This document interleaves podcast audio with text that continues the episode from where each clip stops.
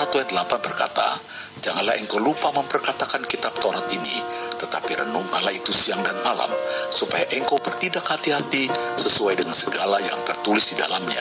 Sebab dengan demikian, perjalananmu akan berhasil dan engkau akan beruntung. Saudaraku, perkenanan Tuhan datang kepada mereka yang suka merenungkan firman Tuhan siang dan malam. Oleh karena itu, mari kita siapkan hati kembali mendengarkan renungan firman-Nya. Tuhan Yesus memberkati. Selamat pagi saudara, berjumpa lagi dengan saya Robi Handoko yang akan menemani renungan pagi Anda. Selama beberapa menit ke depan, saya akan membawa renungan sebuah momen di mana bersama istri tercinta saya dan kebetulan pas ada di negara Amerika Serikat. Tema yang saya ambil adalah jadilah orang yang rajin. Saudara saya berkunjung pada beberapa hari lalu ke Las Vegas, merupakan kota yang terpadat di negara bagian Nevada, Amerika Serikat. Kota ini menjadi surga bagi para penggemar belanja, kuliner, judi, dan hiburan malam sebagai kota yang terpenting di sebuah Nevada, Las Vegas, karena berfungsi sebagai sentra perdagangan finansial dan kultural. Saudara Las Vegas mengklaim dirinya sebagai ibu kota hiburan dunia. Ada banyak sekali kasino, rumah bordil, mall, dan hotel di sana. Karena kota ini dijuluki sebagai kota dosa karena industri haramnya. Karena berikut ada begitu banyak hal-hal tentang kota Las Vegas yang kita perlu ketahui, saudara. Sebelum tahun 1931, perjudian itu masih dilarang keras di Las Vegas. Kini aturan tersebut sudah menjadi sejarah dan kota tersebut menjelma bagi surga perjudian kelas dunia. Bayangkan, pada waktu kami baru datang di sebuah lobi hotel, uh, di dalam hotel tersebut ternyata dengan uh, kasino. Yaitu perjudian yang begitu besar sekali. Dan begitu banyak orang-orang datang baik tua muda besar kecil. Mereka datang dengan santai dengan tertawa tidak peduli dengan COVID-19 dan begitu juga ada banyak sekali rumah pelacuran yang dijaga ketat di Las Vegas. Saudara untuk masyarakat mungkin terdengar aneh tetapi hal tersebut sangat wajar di sana. Kenapa? Karena Las Vegas mungkin jadi salah, salah satu kota dengan jal, jalanan paling terang di dunia Bayangkan pada waktu malam bagaimana tidak ada 15.000 mil tabung neon di dalam kota yang berkelap-kelip penuh dengan warna. Apa yang terkenal dari Las Vegas, sebuah kota di Amerika, banyak orang akan menjawab tempat perjudiannya. Itu benar, judi model apa pun dapat ditemukan di sana. Tak heran kota ini dikunjungi para penjudi dari seluruh dunia.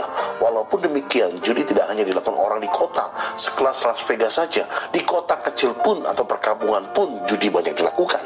Saudara jahatnya judi tidak hanya dilakukan oleh orang kaya, melainkan juga orang-orang miskin. Bahkan judi tidak hanya dilakukan orang dewasa, tapi juga anak-anak sekolah yang ikut berjudi. Judi karena adalah sebuah kebiasaan sangat buruk sebab merusak mentalitas seseorang.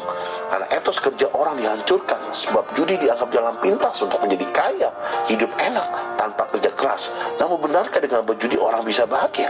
Ternyata enggak, saudara. Sebaliknya kita akan lebih banyak menjumpai orang yang bangkrut karena judi.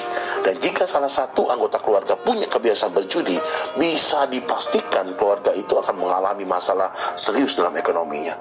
Alkitab mengecam dalam perjudian, bahkan dengan keras Paulus berkata, jika seorang tidak mau bekerja, mau cari enak, janganlah ia makan. Judi adalah bentuk kemalasan dan Alkitab jelas mencela kemalasan dalam bentuk apa pun. Selain itu, efek judi sangat tidak baik. Toh kalau seorang orang menang dalam jumlah banyak saya melihat mereka happy mereka luar biasa. Tapi ada juga orang-orang yang saya lihat menderita sedih. Sebab yang kalah bukan si penjudi saja tetapi juga seluruh keluarganya. Maka saudara yang saat ini berjudi dalam bentuk kecil apa pun mari kita bertobat agar dia tidak menyeret kita saudara ke perangkap yang lebih dalam. Maka dari itu jadilah orang rajin. Nah ini dia tema kita. Amsal 13.4 berkata, hati si pemalas penuh keinginan tetapi sia-sia, sedangkan hati orang rajin diberi kelimpahan. Saudara, sekalipun orang punya seribu macam keinginan, tapi apabila ia malas, seperti orang berjudi tadi, dia mewujudkan keinginan tersebut melalui tindakan. Maka keinginan tersebut tak membuahkan hasil apa-apa, alias tak menjadi kenyataan. Karena penuh dengan keinginan, tapi tidak disertai dengan tindakan ada ciri seorang pemalas. Satu ciri lain dari pemalas adalah suka berdali atau punya banyak alasan untuk dia tidak melakukan sesuatu. Jika ciri itu ada pada diri saudara pagi hari ini, berubahlah mulai dari sekarang.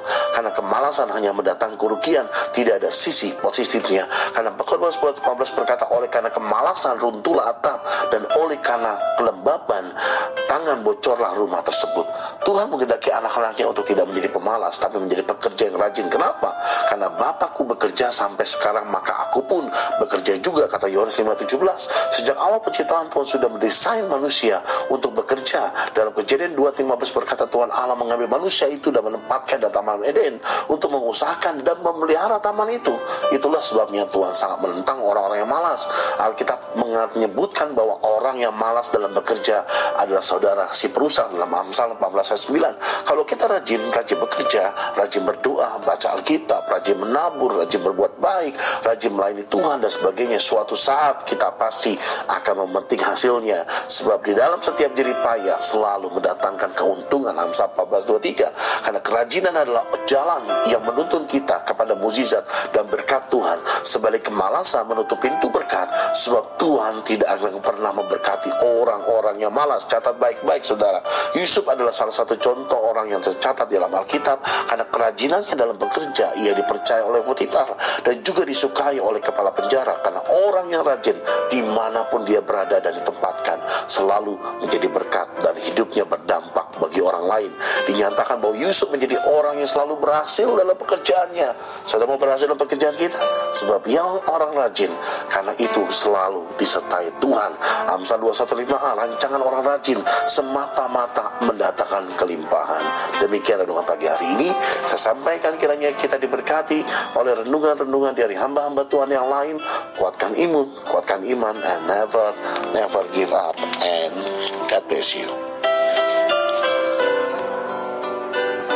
Puji Tuhan, saudara yang dikasih Tuhan, saya percaya firman Tuhan menjadi berkat dan kekuatan buat saudara semua. Dan roh kudus akan memberikan pemahaman yang lebih dalam tentang kebenaran firman Tuhan. Tuhan Yesus memberkati saudara semua. Sampai jumpa dalam renungan yang berikutnya. Haleluya.